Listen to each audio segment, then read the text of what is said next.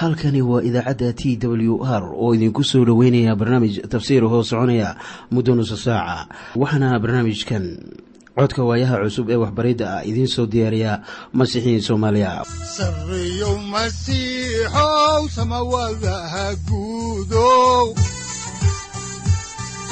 Siraadkii adduunkow subanaha eebow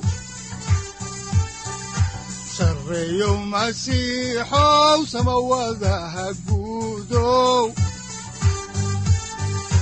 siraadkii adduunkow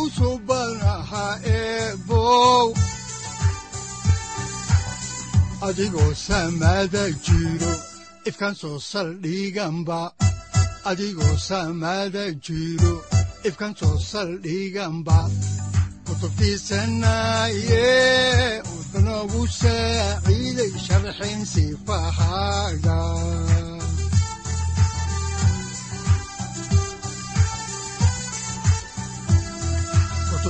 kutubtiisinayo ebanagu saaciid sharxin sifahaaga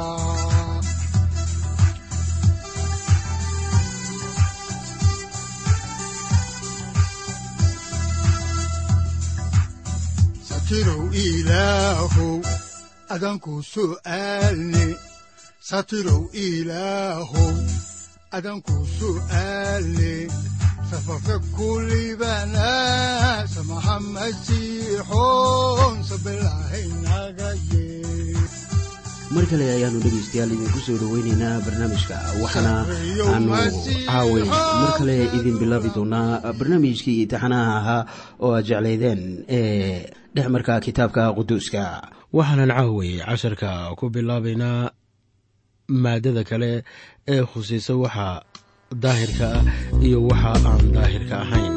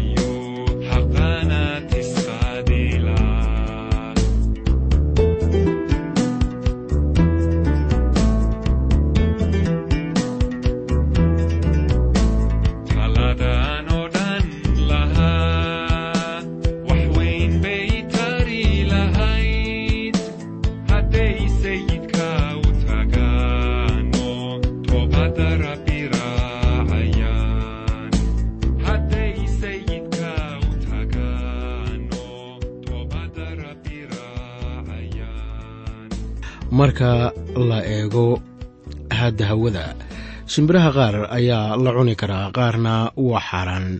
Si bal markaa aynu ku garanno dhegaystayaal shimbiraha xalaasha ah iyo kuwa aan xalaasha ahayn ayaannu la soo kala baxaynaa cutubka koob iyo tobnaad aayadaha saddex iyo toban ilaa sagaal iyo toban waxaana qorniinka quduuska ahi leeyahay sida tan oo haddana waxaa idinka karaahiye ah kuwan oo iyagu waa inaan la cunin.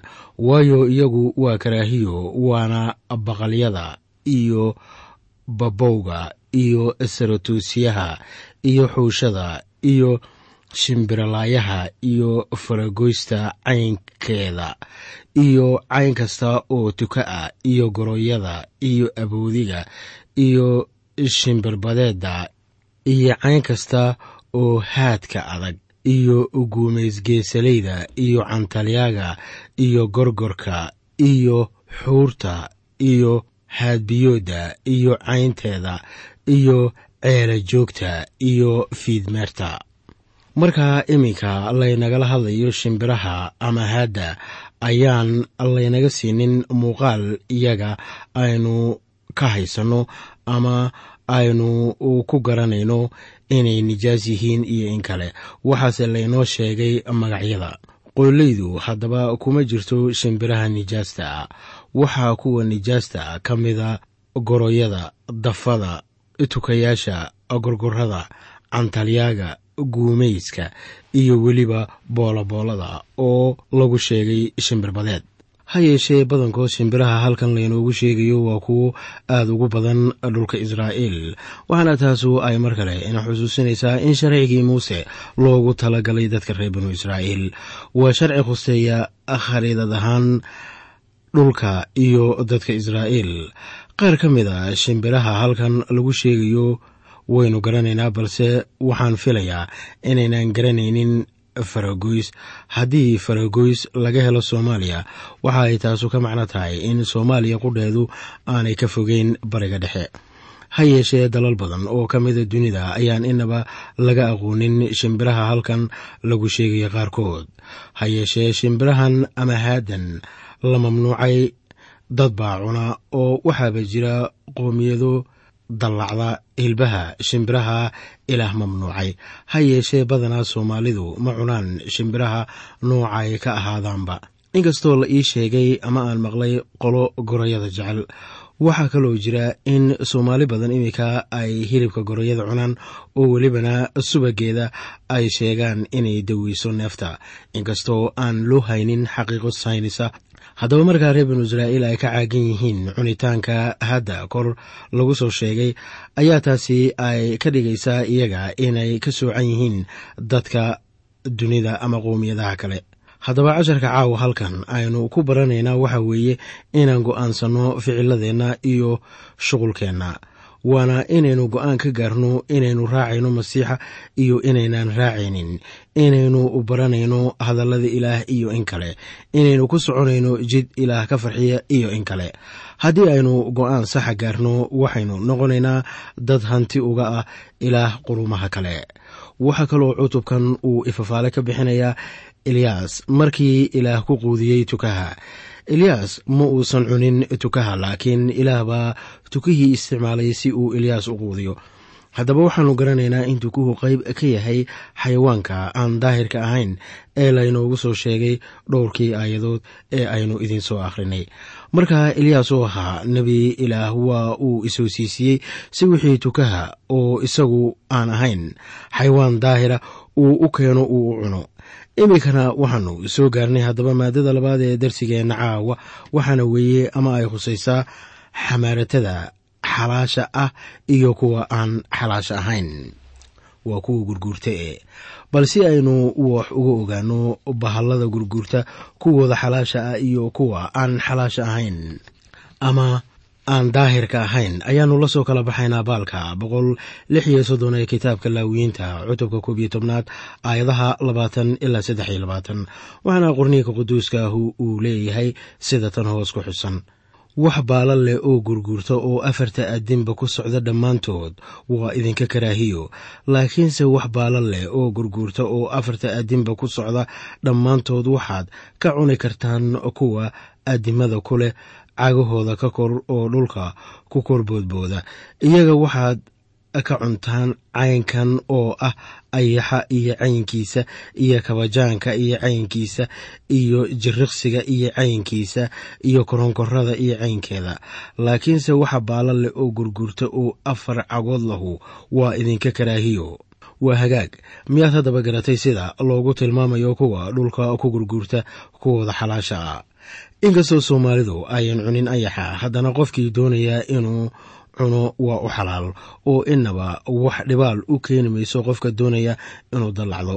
Ha yeeshee saaxiibow ilama ahan inaan nin soomaaliya ku casumi lahaa ayax la dallacay. Inkastoo haddaba soomaali badan ayan cunin. Haddana waxaannu wada garanaynaa in yuuxana baabtiisaha uu cuni jiray ayaxa xalaasha ah iyo weliba malab dibadeed. Waa malabka shinnidu ay duurka ku dhasho ama ay ku samayso. Bal haddaan intaa ku dhaafno xayawaanka gurguurta kuwooda xalaasha ah iyo kuwa aan xalaasha ahayn ayaannu iminka u weecanaynaa maadada kale ee khusaysa ama ku saabsan taabashada bakhtiga iyo xayawaanka aan daahirka ahayn waxaan la soo kala baxaynaa baalka boqol lix iyo soddon ee kitaabka axdigii hore cutubka koob iyo tobnaad aayadaha afar iyo labaatan ilaa siddeed iyo labaatan waxaana qorniinka quduuska ahi leeyahay sida tan.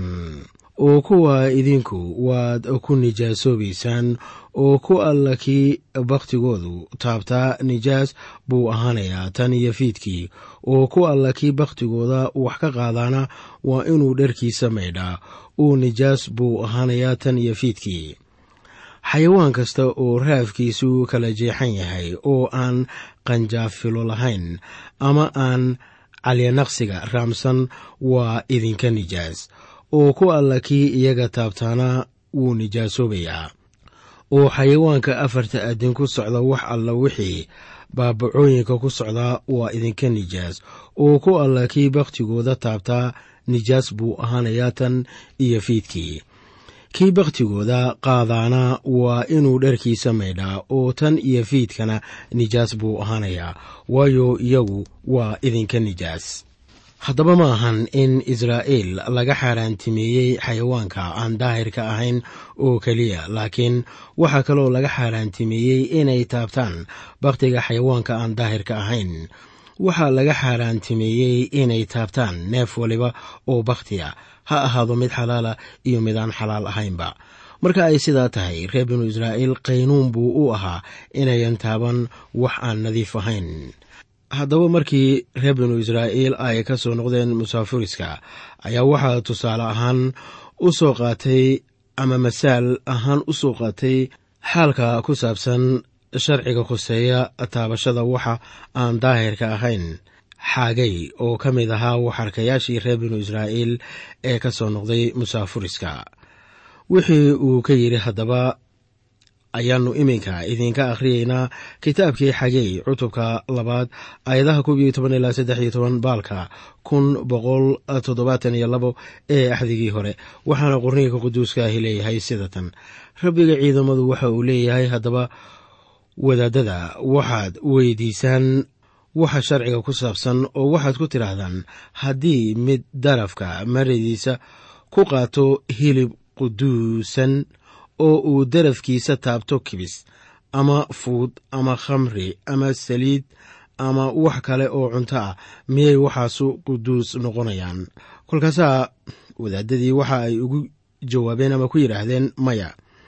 Kolkaasaa xaaga yidhi haddii mid ku nijaasoobay meyd oo uu taabto wax kuwan ka mida miyaa kuwaasu nijaasoobayaa oo wadaadadiina waxa ay ugu jawaabeen oo ku yidhaahdeen wuu nijaasoobayaa haddaba waxaa nebigu uu u xaqiijinayaa in mabda'a khuseeye nijaasta ama nijaasada ama waxa qofka nijaas ka dhigi kara inaanu isbedelaynin. Marka waxaa taasu ay ka macno tahay in daahirnimada ama quduusnimada aan qof loo gudbin karin. Ha yeeshee markii qofi nijaas yahay waxa uu nijaasayn karaa dadka kale. Oo haddii qofka kale aad taabato adiga uu nijaasa qofkii kale ayaad qabadsiinaysaa nijaasnimadaadii. Haddiise aad daahir tahay qof kale haddii aad taabato daahir kagama dhigi kartid daahirnimadaada. Marka ay sidaa tahay haddii qofi nijaas yahay quduusnimo laga heli maayo balse haddii qofi nijaas yahay qofkaasu wuxuu sii wadanayaa nijaasnimadiisii. Qof aan xaq ahaynna laga heli maayo inuu soo saaro midho xaqnimo ah ama xaqnimo istaahila oo ilaa raalli ka noqon karo. Mabda'an waa mid sharci ahaan laga dhex arkayo nolosheenna iyo dabaqad waliba ee dadka. Ciidina wax nijaasa daahir uguma dhigi karto waxaan nijaas ahayn. Kaba soo qaad waxaad haysataa biyo wasakha oo baaldi ku jira. Miyaa biyaha wasakhda ah ee baaldiga ku jira looga dhigi karaa daahir. Hal baaldi oo biyo nadiifa ah. Suuragal maaha. Wax waliba ee aan daahir ahayn waxay ahaanayaan nijaas. Haddii in yar oo wasakha lagu daro biyo nadiifa oo baaldi ku jira iyaga oo dhanniba nijaas bay noqonayaan dhammaantood. Haddii wiil jadeeco qaba loo keeno mid aan jadeeco qabin ayaanu wiilkii jadeecada qabay ka bogsanaynin cudurka. Ha yeeshee wiilkii fiyooba haddii uu u yimaado kii jiranaa ee jadeecada qabay isna cudurkiibaa ku soo degaya. Marka wax kasta ee daahira laguma nadiifin karo waxaan daahir ahayn laakiin wixii daahirka ahaa ayay nijaas ka sii dhigayaan mabda'a khuseeya in nijaastu ay nijaaso ka dhigayso wixii daahirka ahaa laakiin wixii daahirka ahaana ayan daahir ka dhigi karin wax nijaasa ayaannu ku arkaynaa noloshayada maalin waliba. Waxaa la mid a haddaba in kuwa ilaah ka cabsada ay iyana ka fogaadaan kuwa shar kale haddii kale karaahiyo ayaa ay ka dhigayaan min xaqa daahir ku noqon maayo hadduu sameeyo ficilada ka shar kale uu samaynayo ha yeeshee haddii aadan kala qayb qaadan falalka sharka ah waxba kuma jabnaa inaad meel wada degnaataan waxaase runtu ay tahay haddii aad kala qayb qaadato ama niyaddaadu raacdo ragga iyaga ah ee sharka leh in adiguba aad iyaga la mid noqonayso. Ninna kagama dhex shaqayn karo kuwa aan hadalka rumaysnayn inuu kala qayb qaato falkooda kitaabka axdiga cusub si cad buu uga hadlayaa in kuwa shar kale iyo kuwa xaqa ah ayaan shaqo isku lahayn. Waxaa yuudas oo ah masiixa walaalkiisa xagga hooyo uu leeyahay sida ku qoran warqadiisii halka cutub ahayd aayadda saddex iyo labaatanaad. Waa baalka afar boqol afar iyo labaatan ee axdiga cusube sida tan hoos ku xusan. Qaarna dabka ka dhufta oo badbaadiya qaarna u naxariista idinka oo cabsanaya oo nacaya xataa dharka jirka kuwa wasakhoobay. Markaa faa'iido ma leh adiga oo xaqa inaad isku wasakhayso qof shara waxaa loo baahan yahay inaadan qof shar ah waxba ku darsan. Marka mabda'an inaan laysku wasakhaynin wax waliba ee shara ayaa ay reer binu israa'iil arki jireen ama soo food saari jiray maalin waliba. Markii ay arkaan ey dhintay ama mukulaal dhimatay oo jidka taalla waxaa rabbigu uu ku leeyahay waa inaydan jirkiinna ku wasakhaynin wax kasta ee nijaasa. Haddii si kama ah uu qofka israa'iiliga ahi u taabto waxaan daahir ahayn waxay ahayd inuu isdhaqo oo welibana dharkiisa dhaqdo. Waa dharkii uu watay markii uu qaadayey shayga dhintay e wuxuuna nijaas ahaanayaa ilaa iyo fiidnimada waxaan markaa haddaba taa ka baranaynaa cashar weyn waxaana weeye in masiixiyiinta lagu daahiriyey furashada masiixa iyo inay huwan yihiin xaqnimada masiixa. Ha yeeshee waxaanu ku soconnaa duni aynu ku nijaasoobi karno maxaa wacay waxaannu leenahay jirkii hore ee aadan? Ilamaa jirkan aadmiga ah uu dhinto mooyaane way dhib badan tahay in qof yidhaahdo dembi ma lihi. Weli waxaanu ku jiraa haddaba kitaabka saddexaad ee muuse oo loo yaqaano laawiyiinta. Waxaanan iminka idiin akhrinaynaa isla cutubka koob iyo tobnaad aayadaha sagaal iyo labaatan ilaa koob iyo soddon waxaana qoran sida tan. Oo wax dhulka ku gurguurta oo dhan kuwan waa kuwa idinka nijaasta ah waana fadhanfadhka iyo jiirka iyo amuurka iyo caynkiisa oo dhan iyo ilweynta iyo maansa lugaleyda iyo qoratada iyo mulaca iyo jirjiroolaha oo waxa gurguurta oo dhan kuwaasu waa kuwa idinka nijaasta ah oo ku alla kii taabta markii ay dhintaan. Nijaas buu ahaan doonaa tan iyo fiidkii. Waxaa haddaba halkan laynoogu sheegayaa xamaaratada dhulka ku gurguurata iyo midda dhulka hoostiisa ku jirta. Inkastoo ay suuragal tahay in dadka qaar ee dunidan ku nool ay cunaan waxyaabaha ilaah ka xaaraantimeeyey israa'iil ayaanu haddaba sharciganu khusaynin wixii ka baxsan dhulka israa'iil. Waxaa sharciga lahaa reer binu israa'iil oo keliya maadaama ay ahaayeen qowmiyadda keliya ee markaa iyada ah garanaysay ilaaha baaqiga ah marka ay sidaa tahay dembigu yaraan ma leh oo xitaa haddii reer binu israa'iil ayan dhegeysan waxa ilaa halkan ugu sheegayo oo ay cunayaan waxyaabo laga xaaraantinimeeyey. Waxay la mid tahay sida iyagu uu dembi weyn galay. Xagga rabbiga dembigu waa isugu mid haddaan horay markaa idiinku sii wado dhegaystayaal meeriska cutubkan koob iyo tobnaad ayaan iminkana idiin akhriyayaa aayadaha labaiyo soddon ilaa lix iyo soddon baalka boqol soddon iyo toddoba ee axdigii hore waxaana qorniinku leeyahay sida tan oo waxalla wixii ay ku dhacaan markay dhintaan nijaas bay ahaan doonaan. Hadday yihiin weel qori ah ama dhar ama harag ama jooniyad weelkaasu wax kasta ha ahaadee haddii wax loogu isticmaalo waa in biyo la dhexgeliyaa oo tan iyo fiidka nijaas buu ahaanayaa oo markaa dabadeed daahir buu ahaanayaa. Oo weelkii dhooba ah oo mid iyaga ka mida gudihiisa uu ku dhaco wax alla wixii weelkaa gudihiisa ku jiraaba way nijaasoobi doonaan oo weelkana waa inaad jebisaan. Oo waxa la cuno oo ku jira oo biyo gaaraanba waa nijaasoobi doonaan. Oo weelka caynkaasa waxa la cabo oo ku jira oo dhammu way nijaasoobi doonaan. Oo wax alla wixii waxa bakhtigoodu ahu ay ku dhacaanba way nijaasoobi doonaan. Hadday yihiin foorno ama shoolad waa in la burburiyaa. Waayo iyagu waa nijaas waana inay nijaas idinka ahaadaan. Habase yeeshee il amase god ay biyo badanu ku jiraan. Daahir bay ahaanayaan laakiinse wixii bakhtigoodu taabtaa way nijaasoobayaan.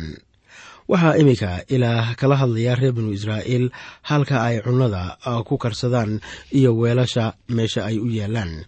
Ilaa waxa uu doonayaa in wax waliba ee ay haystaanba ay nadiif ahaadaan waa waxa ay cunnada ku karsanayaan iyo weelasha ay u isticmaalayaan inay maraqa ku biyeeyaan ama wax waliba ee ay darsanayaan. Waxaa kaloo lagala hadlayaa baaquliyada waxaa kaloo lagala hadlayaa bakhtiga haddii uu ku dhaco biyo aan socon in bakhtigu uu nijaasaynayo biyaha.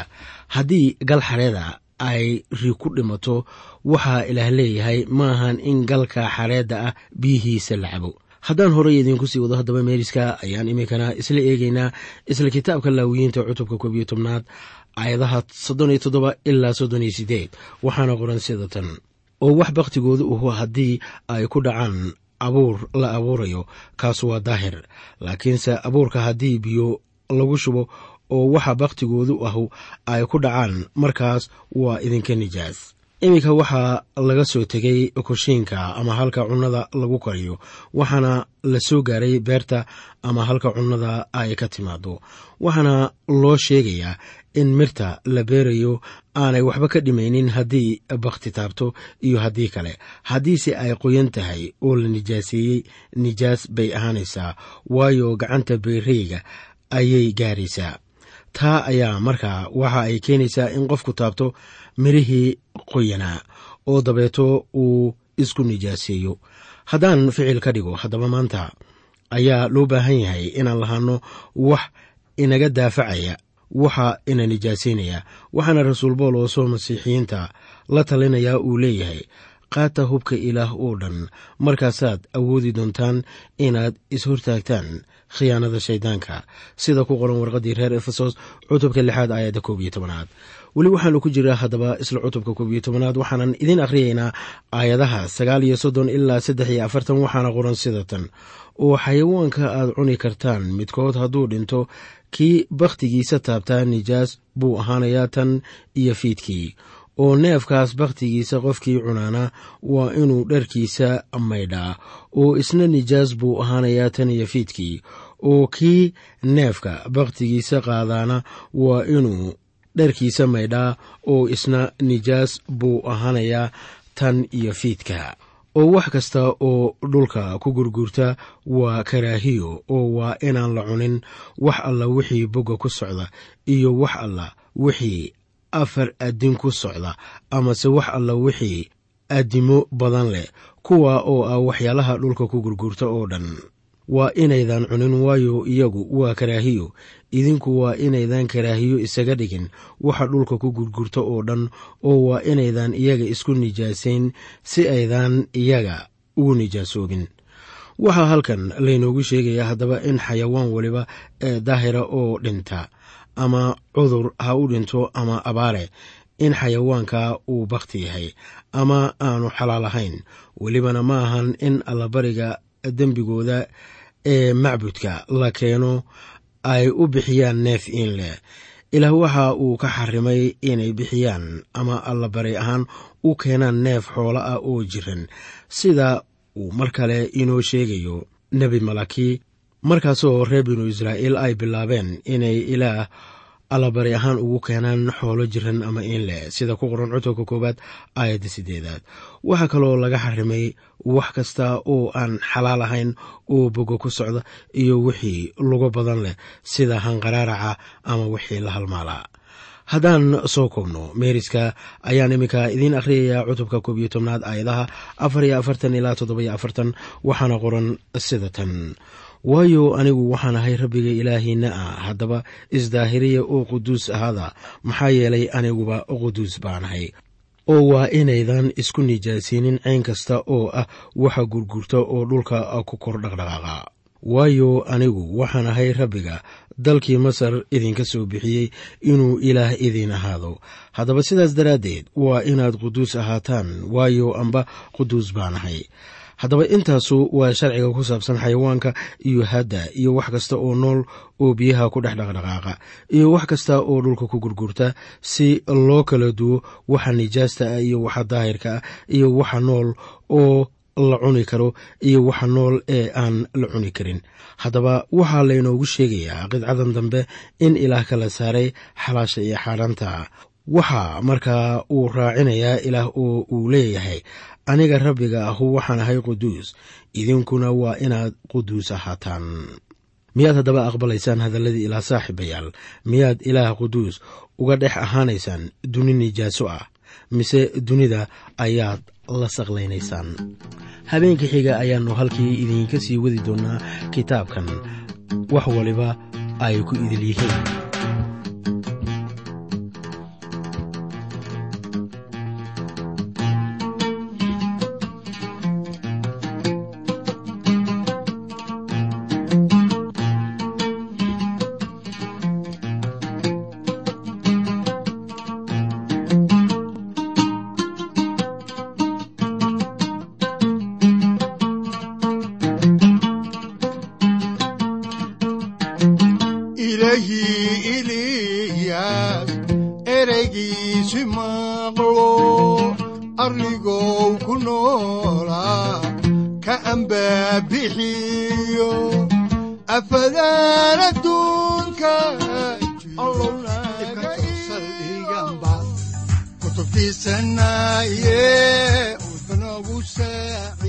halkani waa t w r idaacadda t w r oo idinku leh ilaa ha idin barakeeyo oo ha idinku anfaco wixii aad caawi ka maqasheen barnaamijka.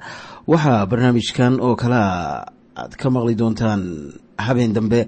Hadahan oo kale haddiise aad doonaysaan in aad fikirkiina ka dhiibataan wixii aad caawi maqasheen ayaad nagala soo xiriiri kartaan som t w r at t w r c o k e haddii aad doonaysaan in aad dejiisataan oo kaydsataan barnaamijka ama aad mar kale dhegaysataan fadlan mar kale booqo www t w r o r g amase waxaad teleefoonkaaga ku kaydsataa ama ku download garaysataa agabyada ku sahli karaa dhegeysiga t w r haddii aad doonayso in laga kaalmeeyo dhinacyada fahamka kitaabka amase aad u baahan tahay duco fadlan fariimahaaga soo mari bogga aaraahda ama kommentska inana jawaab degdeg ah ayaanu ku soo diri doonaa amase ku siin doonaaye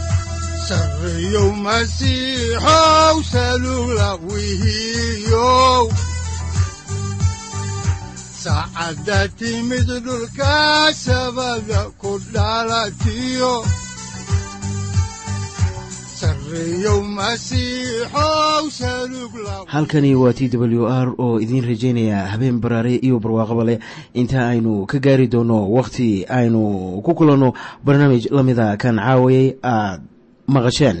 Waxa aan idinku leeyahay nabadda ciise masiix ha idinku badato xagga jirka iyo ruuxaba. Aamiin